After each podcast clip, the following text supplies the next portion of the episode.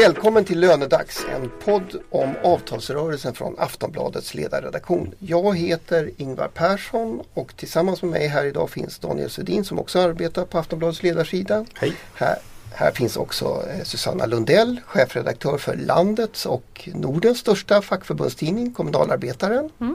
Du är väldigt välkommen. Tack. Och Tommy Öberg, eh, arbetsmarknadsreporter eh, sedan Gunnar Nilsson var LO-ordförande. Ja, det stämmer. Du är riktigt välkommen. Det är Tack. ju en perfekt dag. Vi spelar in det här på onsdag eftermiddag och på förmiddagen så har avtalsrörelsen eh, kickat igång med en riktig smäll. Eh, det var på LO som hade repskap. Vad var det som hände Tommy? Ja, alltså kortversionen är ju att, att eh, den oenighet som de allra flesta av oss har anat har funnits under ytan idag blev eh, känd för alla och LO-ledningen tvingades mm, lite sorgset får man väl ändå tillstå säga att det gick inte att hitta enighet bland de 14 förbunden utan förbunden går nu ut i förhandlingar var och en för sig utan några gemensamma krav, utan några gemensamma utfästelser om att stödja varann. Och det får man faktiskt, man får gå ganska långt tillbaka i tiden för att hitta en så spretig situation inför en stor avtalsrörelse. Hur var reaktionen på kommunalarbetaren, Susanna?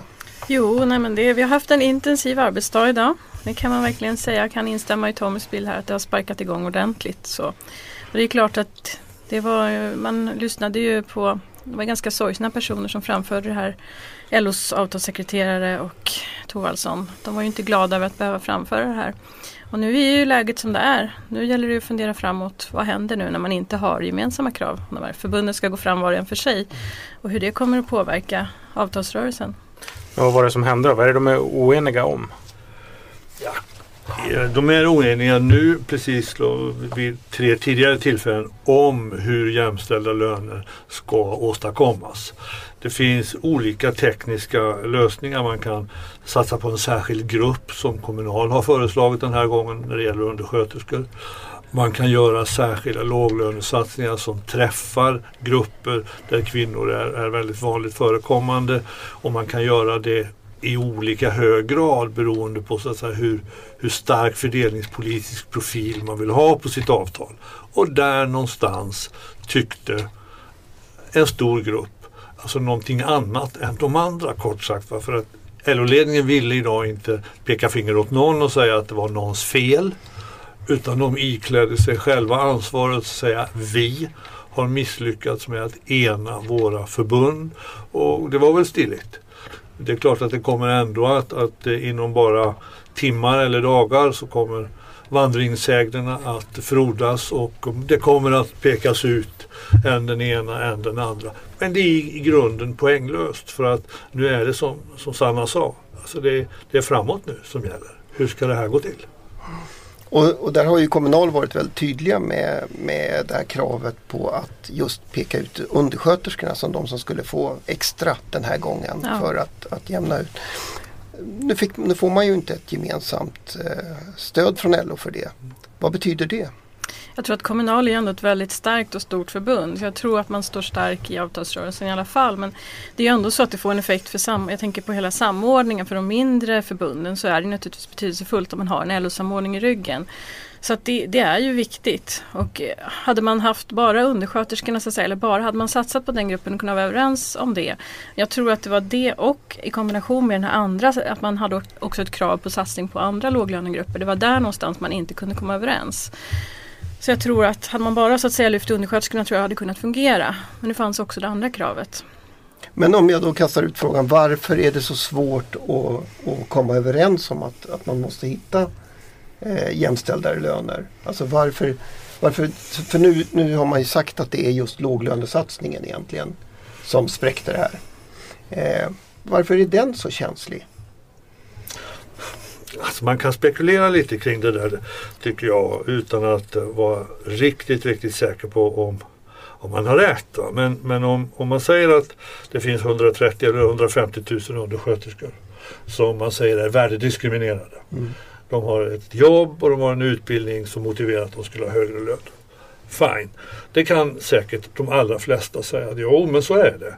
Men de andra förbunden som också har väldigt mycket kvinnor som de anser utför kvalificerade tjänster både inom välfärden och inom servicesektorn i övrigt säger att Ja, men vi har också grupper som vi anser vara kanske värdediskriminerade eller i alla fall felaktigt avlönade. Och då blir det genast mycket svårare. De ska säga till sina egna medlemmar att nej men just i år eller de närmaste tre åren så tänkte vi satsa all vår kraft, eventuellt gå i konflikt för att undersköterskorna ska få ganska avsevärt mycket bättre betalt. Det är en svår uppgift eftersom detta är, en, det är ju intresseorganisationer som företräder sina egna medlemmar. Och egna medlemmar har förväntningar på att ledningarna ska försvara deras positioner. Så här är det inte så alldeles lätt alltså att komma överens. Och det problemet måste väl ha funnits redan i Kommunal när man fattade det här beslutet för det är väldigt många medlemmar som inte är undersköterskor. Ja, naturligtvis så finns det så. Det, det finns ju det problemet men sen har man också haft ett stöd för att jag tror att man ser att man gör en satsning på en grupp som är stor, som är lågavlönad och som har lika lång utbildning då som till exempel metallarbetare men är betydligt lägre avlönad. Det skiljer ju flera tusen lappar mm. i månaden. Och jag tror att man tänker, man kan se som vanlig medlem i Kommunal att en, en lyft, ett lyft här för den här gruppen kan sen påverka positivt även för andra grupper. Så att man så att säga ser och förstår att man måste börja någonstans. Och det är en stor, det är en stor grupp. Och det kommer behöva nyanställas 160 000 undersköterskor de närmsta åren. Och, och för att kunna locka folk att ta de här svåra, tunga jobben som det ändå handlar om då måste man ju se över lönerna om det ska kunna vara attraktivt att vara undersköterska. Så att man ser ett behov inom vård och omsorg för just den här gruppen och det är så som man har eh, förklarat det för de övriga medlemmarna. Så att, säga, att man börjar med den gruppen. Daniel, vad händer med bilden av fackföreningsrörelsen nu när, när eh, alltså utifrån? Mm. När, när LO inte lyckas komma överens och när man inte lyckas med, med den här kvinnolönesatsningen som, som ju ändå har, har ett, ett rätt brett stöd. Ja, men jag tror att när den här nyheten kom direkt så, så verkar det sig tolka av människor som liksom kanske inte följer de här frågorna lika mycket som en del i den här studien gör. Eh, att det är liksom IF Metall som är boven på något sätt och eh, de vill absolut inte att eh, kvinnor ska få mer i, i, lön. Och det är ju liksom alltid det som kommer när, när de här typen av frågor dyker upp och diskuteras. Att det finns liksom metallgubbar som sitter och förstör eh, den här rättmätiga eh, striden som kommunalanställda kvinnor kommer. Och det, sen, sen justerades det där väl under, under förmiddagen kanske när man förstod att det är liksom låglönesatsningen eh, som är problemet här.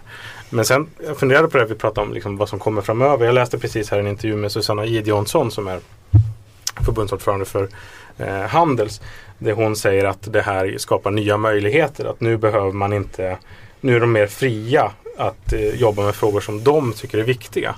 Vad, om jag passerar frågan, vad, vad kan det vara? Vad tror ni? Vad öppnar det här för möjligheter? För Ja, jag tror att, att hon, hon, utan att säga det högt, så tror jag hon menar att nu kan de eh, framförallt lyfta sina frågor kring anställningsformer som de har jättestora problem de har hur många visstidsanställda som helst. Och de har en enormt hög personalomsättning, inte minst i detaljhandeln.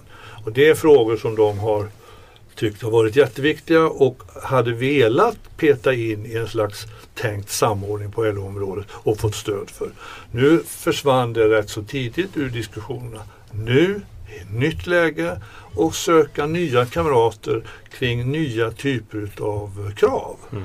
Så att jag förstår att hon kan till en del vädra lite morgonluft va? men det återstår ju att se om hon får napp. Någon ska ju ändå backa upp henne. Va? Vilka skulle kunna vara de som backar upp det då? Varför inte förbunden inom eh, byggsektorn, 6F till exempel. Mm. Och hur, och det här blir nästa eh, fråga då så att säga när, när eh, LO-samordningen nu inte finns. Eh, vem kommer att avgöra lönerna nu då? Det är en mycket bra fråga. och den är svår. Men jag skulle säga att, att det kommer an på vilka grupper man tittar på. För att marknaden kommer att sätta löner för attraktiva grupper och grupper som det är brist på. Det sköter marknaden om. Det behöver vi knappt fackföreningar till. Industrin kommer att ha en slags betydelse trots att det inte finns en LO-samordning. Alltså, så länge jag kan se bakåt så har eh, alltså exportindustrin eller den internationellt konkurrensutsatta sektorn alltid haft en slags lönenormerande roll. Mer eller mindre tydligt utsagd. Så att de kommer också påverka en del i vinter.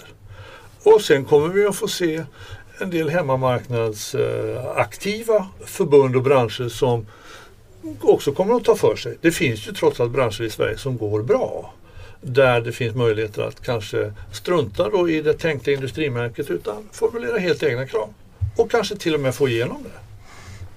Mm. Jag tror att det finns en rädsla hos arbetsgivarna till exempel att man ska strunta i märket och liksom att det ska bli totalt kaos. Så att man hoppas på att märket ändå ska finnas kvar. Men det är klart att det är där någonstans frågan ligger nu. Hudens kärna, kommer man att kunna behålla det när man inte har den här samordningen? Å andra sidan då om man eh, alltså, Carola Lemne har ju varit ute också på förmiddagen här nu redan och, och, och gjort klart att Svenskt Näringsliv tar ansvar. Eh, och, och, just i år är ju Svenskt Näringsliv mycket bättre samordnade än de har varit på länge. De, de är ju efter en rätt hård match, om jag förstått saken rätt, så har man faktiskt kommit överens om att eh, ja, men vi, vi kommer inte att och, och vika en tum från, från märket. Eh, och då funderar jag på vad betyder egentligen LO-samordningen? Man, kommer ändå, man måste vara två för att skriva avtal. Om, om Svenskt Näringsliv, om man sitter på Storgatan och har bestämt sig för att samordna det här. Jag tror att alltså, det, det, det vi har hört nu är någon slags eh, A kolon 1. Det är så man måste säga om man är, är Carola Lemne i det här läget. Men jag är helt övertygad om att de är mycket nervösa. För de har ingen riktigt grepp över vilka krav blir det? Hur stökigt blir det? Vem kommer att stödja vem? Vem kommer att gå först? När kommer allmänheten eller så att säga arbetsmarknaden att bestämma att det där är ungefär riktmärket? Alla de frågorna finns det faktiskt inga svar på just nu. Och då tror jag att, mm, jag tror att de funderar jättemycket. Hur ska vår så kallade samordning leda till för oss önskat resultat? Det är inte givet. Tror du Susanna att eh, eh, Kommunals eh, prioritering av undersköterskorna, kommer det finnas kvar nu när samordningen har de viker inte från det. Ja, nej, jag är helt säker på att den kommer finnas kvar. Man har varit väldigt tydliga från kommunal sida med att i den här gruppen man ska prioritera, det är en stor grupp och sen så hoppas man naturligtvis att fler kommer att följa efter. Men det kommer man inte att vika från och jag tycker också att man har fått ett klart och tydligt stöd även från IF Metall och, och flera av de andra förbunden i den frågan. Så jag tror att det kan man nog fortsätta Normally being a little extra can be a bit much. But when it comes to healthcare, it pays to be extra.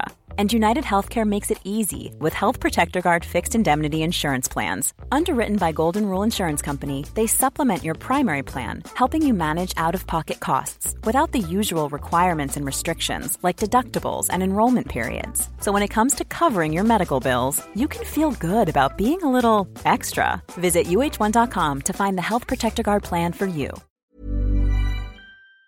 Fortsätta med. Sen är ju frågan om hur mycket stöd man har rent politiskt då. Om man, om man jämför till exempel som det har varit för lärarna tidigare och så vidare. Där har man ju varit väldigt tydlig från politiskt håll att gå ut och stödja. Och då behöver man ju naturligtvis också ett stöd där man känner att den här gruppen är viktig för hela samhället. Nu har man ju varit tydlig med att lyfta just behovet av, vi har en, en åldrande grupp så att säga som kommer att behöva vård och omsorg och då är undersköterskorna viktiga. Så det, det kvarstår väl att se nu, har man lyckats i det så att säga i, det, i den tydligheten att få fram hur viktig den här gruppen är. Men man kommer inte vika från det i, i avtalsrörelsen. Det, det, och det har man väl redan hunnit vara ute och säga, eh, tycker jag sett. Men, men då är ju nästa fråga, för, och där har ju Kommunal eh, riktat en, genom åren en hel del kritik mot Medlingsinstitutet och, och, och det uppdrag man har, har på Medlingsinstitutet. Och, alltså just det här som du beskriver med att ha liksom förståelse för kravet. För det är klart att eh, går går en meningsmotsättning, om, om arbetsgivarna inte skulle hålla med, så att säga, då hamnar det hos Medlingsinstitutet som, som väl knappast kommer att bli mindre rigida i den här situationen. Det är väldigt svårt att avgöra men, men om man leker med tanken att det inte finns ett, ett oomstritt märke formulerat av exportindustrin. Utan det kanske finns två, tre märken som eh, man kan få ett avtal inom byggsektorn, något eh, inom detaljhandeln, ett tredje inom verkstadsindustrin. Är det då helt givet att, att den nya generaldirektören känner sig helt förpliktigad att, att alla medlingsuppdrag utgår stenhårt ifrån den uppgörelse som är gjord inom verkstadsindustrin? För hur, hur ska det då bli möjligt att hjälpa till att göra någonting med undersköterskorna? Mm. Då är ju kört direkt. Mm. Så att lite manöverutrymme tycker jag att, i, i någon mening att, att Carina uh, Gunnarsson har den här gången. Mm. Men det, det, är ju så svårt att veta hur de kommer att använda det där. Va? Man måste nästan låta det sätta igång och se vem, vem söker stöd hos Medlingsinstitutet och vem prövar fullt ut själv med eventuella konfliktåtgärder som, som en del utav det. det. Det, går inte att veta riktigt. Alltså. Men tror, vi kan väl ta det varvet runt, tror vi, tror vi att eh, samordningskommittén på, på Svenskt Näringsliv kommer att släppa fram något avtal innan det har tecknats ett, ett avtal i, i eh, exportindustrin eller verkstadsindustrin. Jag tror de kommer göra sitt yttersta för att det inte ska bli så. Men det är inte säkert att de lyckas. Jag tror inte att de kommer göra det. Inte innan. Nej, jag får säga samma. Det verkar på Unionen också som att de tycker att eh, liksom, facken inom industrin är de som fortfarande bestämmer det här och så är det väl. Eh, så att ja, jag håller med. Jag tror inte de släpper fram. Men när blir det strejk? ja. Vad tror ni? Och var? Ja, precis. Ja, men alltså det är väl sannolikt att man måste tänka sig att i, i de sektorer där, där det till exempel finns väldigt mycket osäkra anställningar. Där man kommer att inte kanske skjuta in sig på kronorna så mycket utan mer på, på allmänna anställningsvillkor. Och att där motståndet då kan kan bli starkt ifrån arbetsgivarna som inte vill medverka till att eh, ändra den här flexibiliteten. Och då tror jag att det finns möjligheter för, om det till exempel är handel, jag tror att de kan få stöd i en sån strid. Mm. Jag tänker på handel, så att de grupperna, och det är det du är inne på mm. också. Mm. Det är sannolikt. Så om man ska vara lite cynisk så, så eh, pratar vi påskhandel. Ja, det var det jag tänkte. Chokladkaninerna, chokladkaninerna är hotade. Mm. Just det, nej men, eh, men så det är ett väldigt osäkert läge. Eh, å andra sidan så, så, finns en massa av de här institutionerna. Eh, jag har pratat med förhandlare som, som liksom beskriver det som maskinen eh, som, som liksom är, är uppbyggd med Medlingsinstitutet och, och industriavtalet och eh, den här tågordningen i, när avtalen löper ut och sådär som, som egentligen är, är rätt mycket byggd för att, att bevara eh, normeringen och, och lönebildningssystemet. Eh, så frågan är ju Behöver, behöver maskinen, behöver lönebildningen LO? Ja, jag skulle svara eh, eh, obetingat ja på den frågan om, om stabiliteten ska kunna vidmakthållas. Det är många alltså små LO-förbund som av egen kraft kommer att ha väldigt svårt att förhandla sig till de löner och villkor som låt säga de fem stora förbunden orkar. Däremot, men i en samordning så har de ju de andra kamraterna i ryggen och då är det mycket, mycket lättare att få samma eller kanske till och med ibland något bättre avtal än de andra. Men på egen hand, ja, då är jag mycket tveksam till vad de orkar. Mm. Jag tänker också på, på de mindre förbunden. Jag har ju tidigare jobbat på Hotellrevyn till exempel, Hotell och restaurangfackets tidning och så. Och det är klart att för de mindre förbunden som både HRF och Livs och, och, så vidare så är det ju viktigt med samordning. De större klarar sig bättre själva men hela grejen är ju med en samordning att man ska kunna stötta varandra, stora som små och tillsammans blir man starkare. Så det är klart att det blir en förändring om man inte har samordning. Sen är man ju, även om så att säga samordningen i avtalsrörelsen 2016 inte finns längre, så har man ju andra saker som man har lovat och förbundit sig till och skrivit under i våras att man ska jobba på. Till exempel att minska de värdediskriminerande skillnaderna med en halv procent per år och så vidare. Det kommer man ju fortsätta med. Så att I vissa delar finns det ju kvar men det är ju, det är ju frågan om det är ett lika starkt LO vi ser och hur det påverkar. Ja det är väl nästa, liksom nästa fråga. Hur, vad säger det här om arvet? Vilket arv lämnar Karl Petter och Torbjörn Johansson efter sig när, när de inte lyckades den här ja. gången? Kommer de tillbaka nästa år? Jag tror att det tar längre tid att innan man gör ett, ett nytt ordentligt försök att, att hitta uh, en ny samordning. Jag, jag, tror att vi kan få se till exempel olika avtalsperioders längd mm. i vinter och då, redan där blir det svårt. Man måste ju ändå hitta någon punkt där allt strålar samman där man kan ta nya tag. Och, och, det är inte givet att det sker inom ett eller ens inom tre år. Det kan ta längre tid. Mm. Mm. Ja, det är svårt att säga. Jag tror, jag tror att nu har man ändå bestämt sig för att det blir ingen samordning nu. Jag har svårt att se att det skulle räcka med ett halvår, ett år och sen är man tillbaka. Utan nu känns det som att det krävs ett ordentligt omtag och då mm. behövs det mer tid. Och sen är vi ju mitt i avtalsrörelsen så att saker händer ju nu och kommer igång. Man kan liksom inte man kan inte samtidigt börja om från början som man håller på. Jag tror att det blir för mycket utan då får man nog tänka ett par år fram. Ja, nästa, nästa avtalsrörelse då. Mm. Det blir väl mest sannolikt så. Om de inte kan komma överens på ett annat sätt. Om det då går för perioder och, och sånt där. Precis. Mm. Men för, alltså, tillbaka till den det här. Det är ändå så att rätt ofta har ju den här LO-samordningen beskrivits nästan som ett hinder. Eh, i, inte minst i fackliga kretsar. Alltså, det finns ganska många fackliga ledare som, som liksom har sagt att ja, men vi är beredda att ta ledartröjan. Vi är beredda att sätta märke. Vi kan göra det här bättre. Vi inte, varför ska vi inordna oss och sådär. Alltså den typen utav. Alltså nu är det lite eftertankens kranka blekhet i den här situationen. Jo, men det har du ju rätt i. Det är klart att det har funnits de diskussionerna och det har ju varit mycket kommunalierna, Ringhörnan och så IF Metall, andra kvinnor och män och allt det här har ju funnits. Så det är inte så att man har varit bästa vänner hela tiden men man har ändå kunnat enas i de krav som har varit viktiga. Det har ändå gått att, att komma överens så det är klart att det säger någonting om vad, vad är det som har hänt nu och vad, vad lockar det fram för någonting. Det, finns ju, det kan ju finnas folk som har någonting att vinna av det här också. Nu kör vi vårat race. Och så. Det, det återstår att se. Mm. Och man kan inte bortse ifrån att, att eh, på kort sikt så kan det just som Sanna säger finnas sådana som ja det här passar oss rätt så bra. Nu är vi inte bundna utav en stenhårt konkurrensutsatt industri som är pressad utav låga tyska löneökningar eller vad det nu är någonstans i världen som man tar ut så lite och som man måste ta hänsyn till om man ska kränga personbilar eller vad det nu är på en världsmarknad.